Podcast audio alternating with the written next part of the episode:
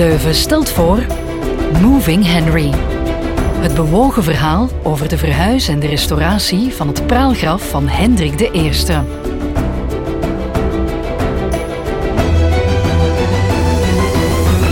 Aflevering 3. De stilte en de storm. Goedemorgen. Het is buiten nog altijd zomers heet, ook deze morgen. Hallo. Ik ben met de motor afgezakt naar Leuven, naar de Sint-Pieterskerk, waar ik me stilaan een beetje kind aan huis begin te voelen. Ik had nooit gedacht dat een praalgraf verhuizen van het midden van het kerkkoor naar de zijbeuk zoveel verrassingen in petto zou hebben. Eerst vinden we verzegelde papieren waaruit zou blijken dat in het graf van Hendrik I, hertog van Brabant, maar liefst vier hertogen zouden begraven liggen. In de kist die we in het graf vinden, vinden we echter niet Hendrik nummer 1, maar nummer 2. Toevallig komen we ook te weten via mondelinge overlevering dat er nog een kistje ingemetseld zou zijn achter een bakstenen wand in de crypte, onder het koor. Een van de mensen die ik mee restaureer, die heeft onlangs gezegd: Ik heb daar een kistje in de muur gezet. Dus misschien lag Hendrik I toch niet in, maar onder zijn eigen graf begraven. Er is maar één manier om dat te weten te komen: is gaan loeren achter die bakstenen muur in de crypte. De demontage van het praalgraf is nu toch achter de rug. Misschien kunnen we eens een kijkje gaan nemen achter het muurtje, als we nu eens straks een gaatje gingen boren. Maar goed, er is nog ander werk aan de winkel. Eigenlijk is het volgende stadium van het restauratieproces het zorgvuldig schoonmaken van het praalgraf. Na al die eeuwen is Henry namelijk aardig grijs geworden. De vraag is nu, hoe krijgen we hem weer mooi zwart? Um, wat ze in het verleden deden om die diepzwarte kleur terug op te halen, was um, olie aanbrengen, dus een lijnolie bijvoorbeeld. En dat is helemaal funest, want daardoor sluit je het vocht in en versnel je eigenlijk het proces van die vergrijzing terug. Dus um, wat we gaan proberen is, en dat hebben we bij de andere altaren ook gedaan, is de olie onttrekken, zo ver mogelijk, want mm -hmm. die zit heel vast. Ja. En dan uh, een zwarte was aanbrengen. En hoe onttrek je die olie eigenlijk? Uh, met afwasmiddel? Nee, we gebruiken daarvoor een compress met chemicaliën die, uh, die de olie um, verzachten. Oplossen zou ik niet willen zeggen, want dan duw je hem nog verder. Dus die maakt de olielaag wat zachter. En de werking van het compress is dat die dingen uit de steen trekt. Ja. Uh, want we krijgen hem ook niet volledig eruit, maar wel ver genoeg zodat we een was kunnen aanbrengen. Want als je nu een zwarte was, dus een zwarte was is microkristallijne was met pigment. Als je dat nu zou aanbrengen, zou je gewoon zwarte strepen krijgen. Omdat die olie de steen echt heel, uh, ja, hoe noem je dat, um, zoals waterafstotend maakt. Ja. ja, dus hij neemt de was niet op. En om een mooi effect te krijgen, moet hij echt wel moet hij een beetje openstaan, moet de poriën, de poriën moeten wat openstaan. Ja. Terwijl het werk in stilte verder gaat, kunnen we het misschien eens hebben over het stormachtige leven van Hendrik I. Daarom ben ik nu even ondergedoken in het stadsarchief van Leuven. Daar ligt namelijk een vrij zeldzaam exemplaar van Henri le Ier, Duc de Brabant. Een doctoraatsthesis uit 1908 van Georges Smets, dokter in de letter en de wijsbegeerte. We bladeren door het leven van Hendrik I, hertog van Brabant. Henri pour les amis. In de loop van zijn leven heeft Hendrik de bijnaam de krijgshaftige gekregen.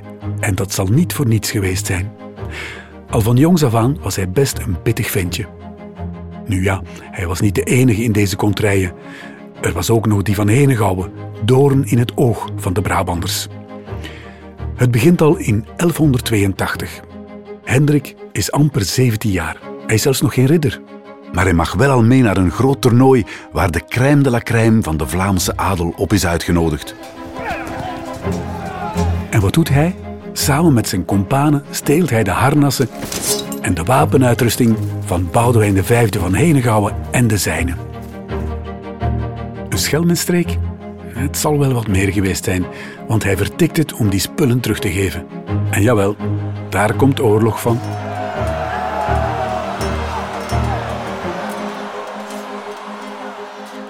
Het zal wel zo'n tien jaar duren dat die van Henegouwen en die van Brabant, onze Hendrik en Boudewijn, het tegen elkaar zullen opnemen.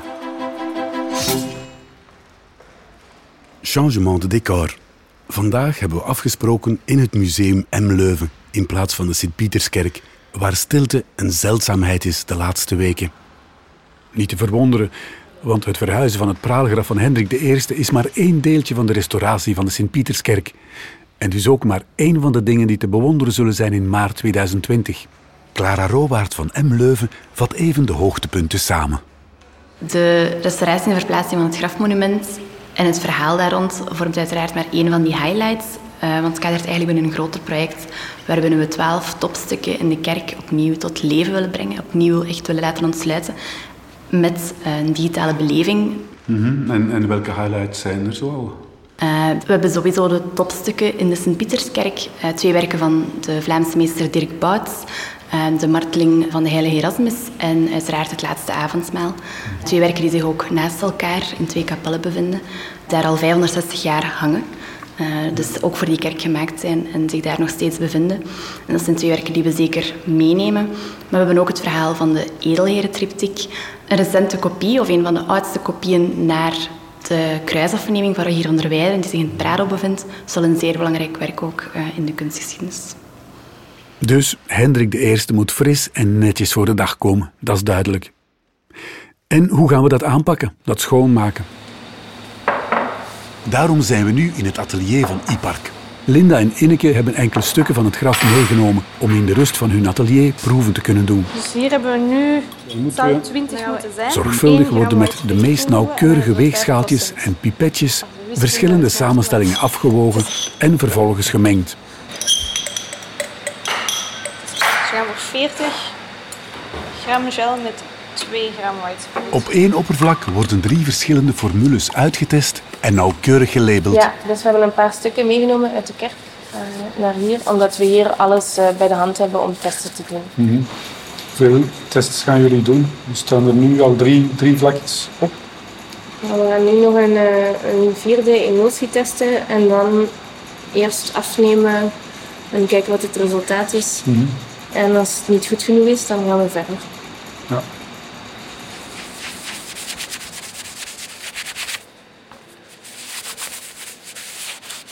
Dus zoals je ziet, als je de was aanbrengt op de steen zonder de, de verzadiging van de olie uit de steen te trekken, pakt de was eigenlijk niet.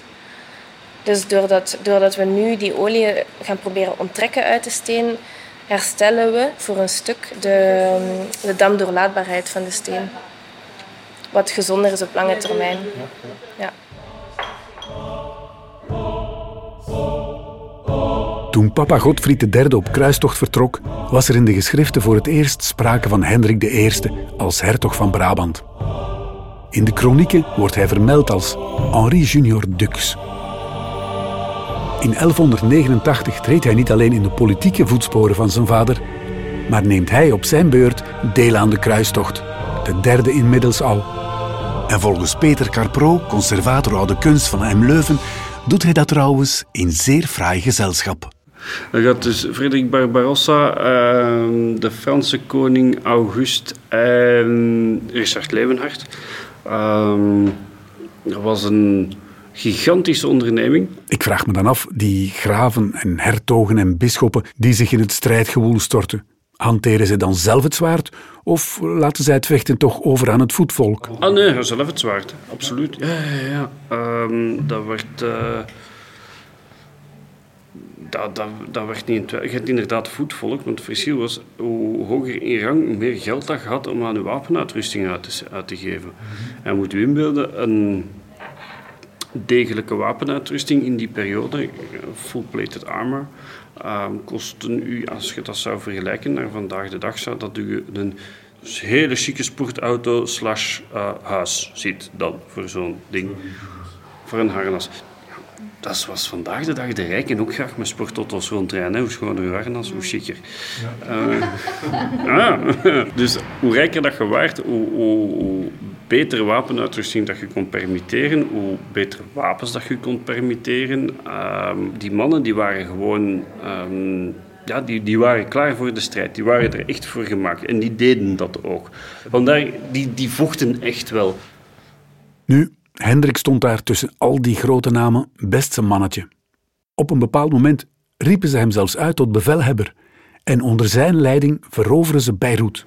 Dat toont ook wel aan welk, welk niveau dat hij had binnen de Europese politiek. Hè. Ehm, en ook ja, het feit dat hem daar was, het feit dat hij daar bevelhebber was, dat gaf ook gigantisch prestige. En prestige is, uh, zoiets waar dat, uh, toch, zeker in dat soort kringen, waar heel veel belang aan wordt gehecht. En ik denk ook wel dat dat een van de grote redenen was ook om mee te gaan, omdat je dan kunt zeggen van, uh, ja, ik, ik was erbij. Ik heb gestreden voor het goede doel. Ik was ridder. Um... Maar in 1190 sterft Godfried III en kiest Hendrik eieren voor zijn geld. Hij moet natuurlijk opletten dat men achter zijn rug zijn verworvenheden niet gaat afpakken. En hij keert dus terug om zijn titel van hertog te claimen. Denk ik dat Hendrik I in eerste instantie graag um, Neder-Lotharingen had om de plak over te zwaaien. Dat dat toch wel een redelijk groot en rijk gebied is. Uh, maar dat, dat, de keizer duidelijk heeft gemaakt dat dat niet het geval was. Dat uh, Neder-Lotharingen, hij mocht er dan wel hertog van zijn, maar het zal de keizer zijn die daar de inkomsten van kreeg. En dat hij daardoor uh, een draai heeft gemaakt en eigenlijk is begonnen met Brabant uit te bouwen. Brabant, gewoon het idee van, van ah, ik ga mezelf hertog van... Brabant bestond niet, hè. Dat was... Dat was dat was, ja, dat, dat was een, en dat zoals je nu bijvoorbeeld zou zeggen, um, ah ja, ik word um, uh, president van, zeg nu, een, een, nieuw land dat je uitvindt ergens in het hart van Amerika. Hè. Minnesota, eh, Mississippi, Minnesota samen, ik noem dat Burgau en ik verklaar mezelf daar president van. Dus je moet daar wel een, een vooraleer dat je dat kunt, dat kunt uitpoelen, moet je wel wat leverage hebben. Nu, het voordeel van oud-strijder van de kruistochten te zijn, is dat je met de tijd een flink leger hebt opgebouwd. Uh, legertje. Ik bedoel, moet dan niet, niet allemaal niet te groot nu ook weer niet zien. Het gaat niet over duizenden en duizenden manschappen. In het boek van Georges Smets lees ik dat als Hendrik zijn manschappen optrommelt, hij kan rekenen op zo'n 3 à 400 gewapende ridders en evenveel voetvolk. Toch genoeg om hier en daar wat steden en graafschappen te gaan veroveren. Maar terwijl Hendrik zijn territorium uitbreidt, gaan wij even poolshoogte nemen op het terrein van Linda en Inneke, die in hun atelier verder gaan met hun testen. De verschillende emulsies worden aangebracht met behulp van papierpulp een, papierpop heeft als bijkomende eigenschap, uh, wat handig is in deze, is dat het uh, zuigt. Dus de vezel van de, de cellulosevezel is hol. Dus je, je actieve product, product gaat eerst in de steen en doordat je pulp droogt, wordt het ook weer eruit getrokken. Ja. Het feit dat die onderste test 1, dat je zegt dat precies heel goed werkt, die steen wordt daaronder precies nog witter dan die andere. Dat is, een, dat is In dit geval is dat een, is dat een goed teken. Ja. ja. Dat betekent dat alle, alle de olie, de olie en wassen, dat uh, verf misschien zelfs, uh, eruit getrokken is. Ja. Nee, want Henry zelf gaan we eigenlijk, uh, we gaan daar een lichte reiniging op doen. Uh, met een apolair solvent, maar we, we, gaan daar geen doorgedreven reiniging doen. Omdat is het niet nodig. Hè? Uh, Hendrik ziet er heel goed uit, heel mooi zwart. Um, dus we gaan alleen oppervlaktevuil verwijderen daar. We gaan geen dieptereiniging uitvoeren. Ja. Zijn macht uitbreiden deed Hendrik ook op andere manieren.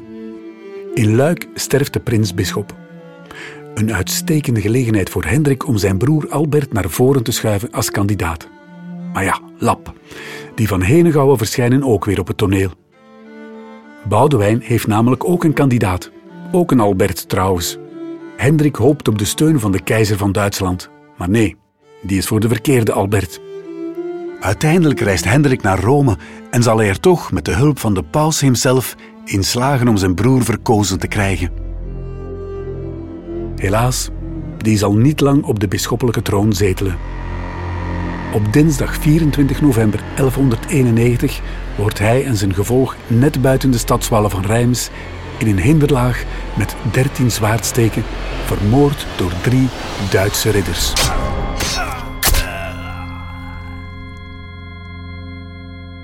Drie Duitse ridders. Dat keizer Hendrik VI daarvoor iets tussen zat, was duidelijk. Maar dat alles draait voor de Duitse keizer wel even anders uit dan hij had gedacht. Want onze Hendrik, ja, sorry, in, in die tijd heette de helft van de adel Hendrik. Dus onze Hendrik slaagt erin om heel wat gelijkgestemden rond zich te scharen. En voor hij het weet, zit de keizer opgezadeld met een feodaal conflict. Het idee wordt zelfs geopperd om de keizer af te zetten en Hendrik van Brabant tot nieuwe keizer te tronen. Zelfs de toenmalige paus steunt dat idee van de confederatie. Het heeft dus maar een haartje gescheeld of onze hertog was tot keizer gekroond. Nu, zover is het nooit gekomen. Hij verzoende zich met keizer Hendrik VI en dat leverde hem later trouwens geen windeieren op. Zo krijgt hij onder andere in 1196 het graafschap Gelderland cadeau en later ook de abdij van Nijvel, het bestuur van Maastricht. Noem maar op. Kortom, onze Hendrik I was in die dagen zowat all over the place. De vraag van de dag is echter, waar is hij nu? Zou hij dan toch in de crypte begraven liggen?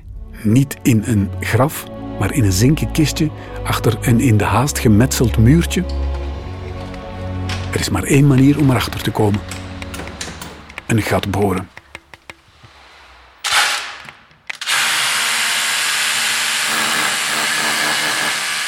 Maar ja, voor hetzelfde geld zijn we over vijf minuten diep ontgoocheld en is er gewoon niets te zien.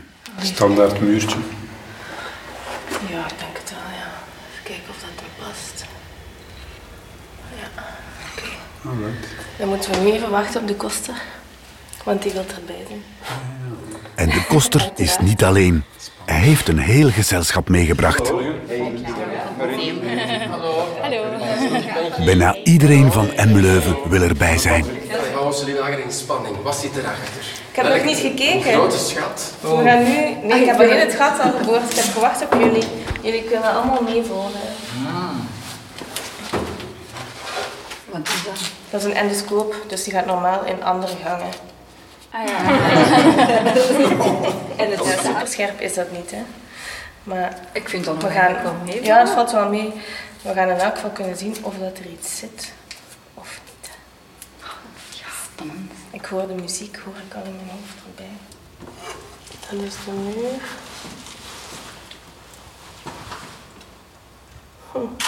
Dat ziet er toch een hoekje uit, hè? Ja. Of wel dan nog gewoon andere stenen. Ja, Dat voilà. is voor een steen, denk Ik ik. denk dat Ja. Allee. Wishful thinking. Maar we zijn, we zijn nog niet klaar, hè? Nee, nee, nee. We zijn nog wel een minuut bezig.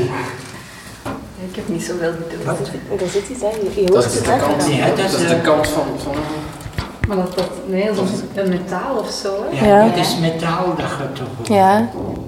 Ja. Wacht, hè. Ik ben nu naar boven aan het wippen. Maar dat ziet er wel uit als een hoek, hè? Ja. Ja.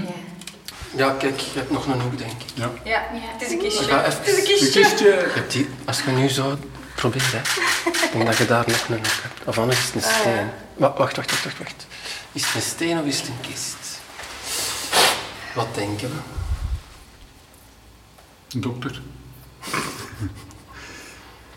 Het lijkt wel op eh, echografie. Zo. Maar je gaat net zeggen, is het een jongen of een Het meisje? is dat, hè. Het is echt zo. Oh, dat is al proficiat. Het is een kistje. Nog eens. Misschien moeten we het gat wat groter maken, zodat we nog beter kunnen kijken. Groot materiaal.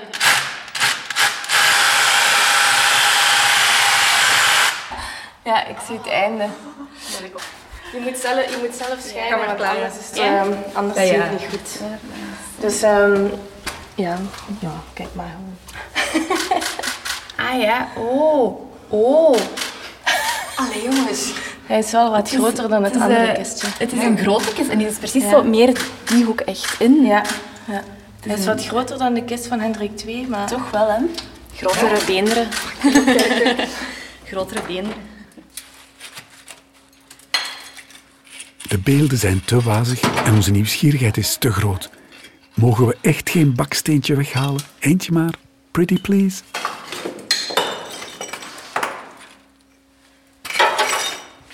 En? Twee kisten. Twee? Ah, voilà, dan zijn er drie. Dan, zijn er zeker drie op. Oei. Oei, wat? Oei, wat? En precies een geplette kist. Een geplette kist? Ja, zink. Al, al zink kapot? Ja. Als in Maar- veel gewicht erop. Ja, dat, nee, dat weet ik niet. Of als opvulling. Het is er in elk geval nogal ingeramd allemaal. Drie kisten. Hebben we nu toch de Godfriede en Hendrik de Eerste gevonden? En zo ja, hopelijk zit deze laatste dan niet in die in elkaar geplette kist. Onze Hendrik, de verpletteraar. Want dat was hij wel tijdens zijn leven. Hendrik graaide meer en meer macht naar zich toe.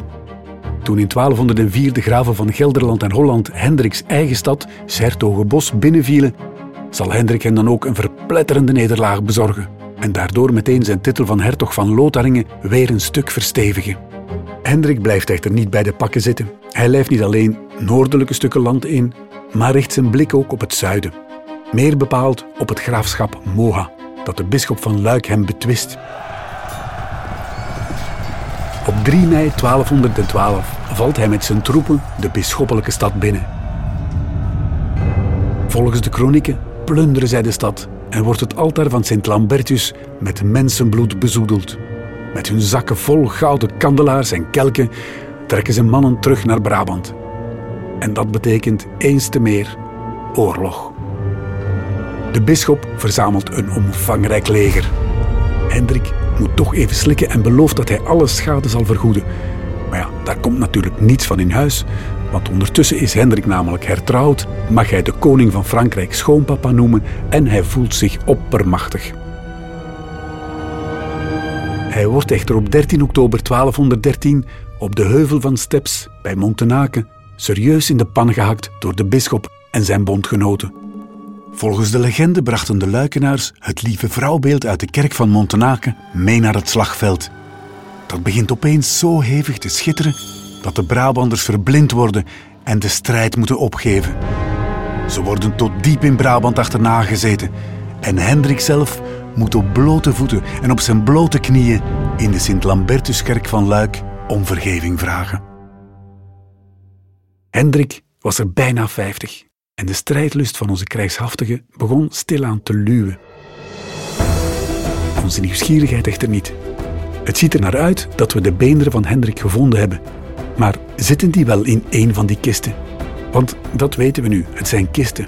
Veel groter dan het kistje dat we gevonden hebben in het praalgraf zelf. En er lagen zoveel knoken onder de kerk begraven. Wie zegt dat we nu de juiste hebben? Dat hoort u in de volgende aflevering van Moving Henry. Moving Henry is een podcast van M. Leuven. Geproduceerd door Sonhouse, geschreven en verteld door Patrick Dooms. Stemregie Thierry van Durme.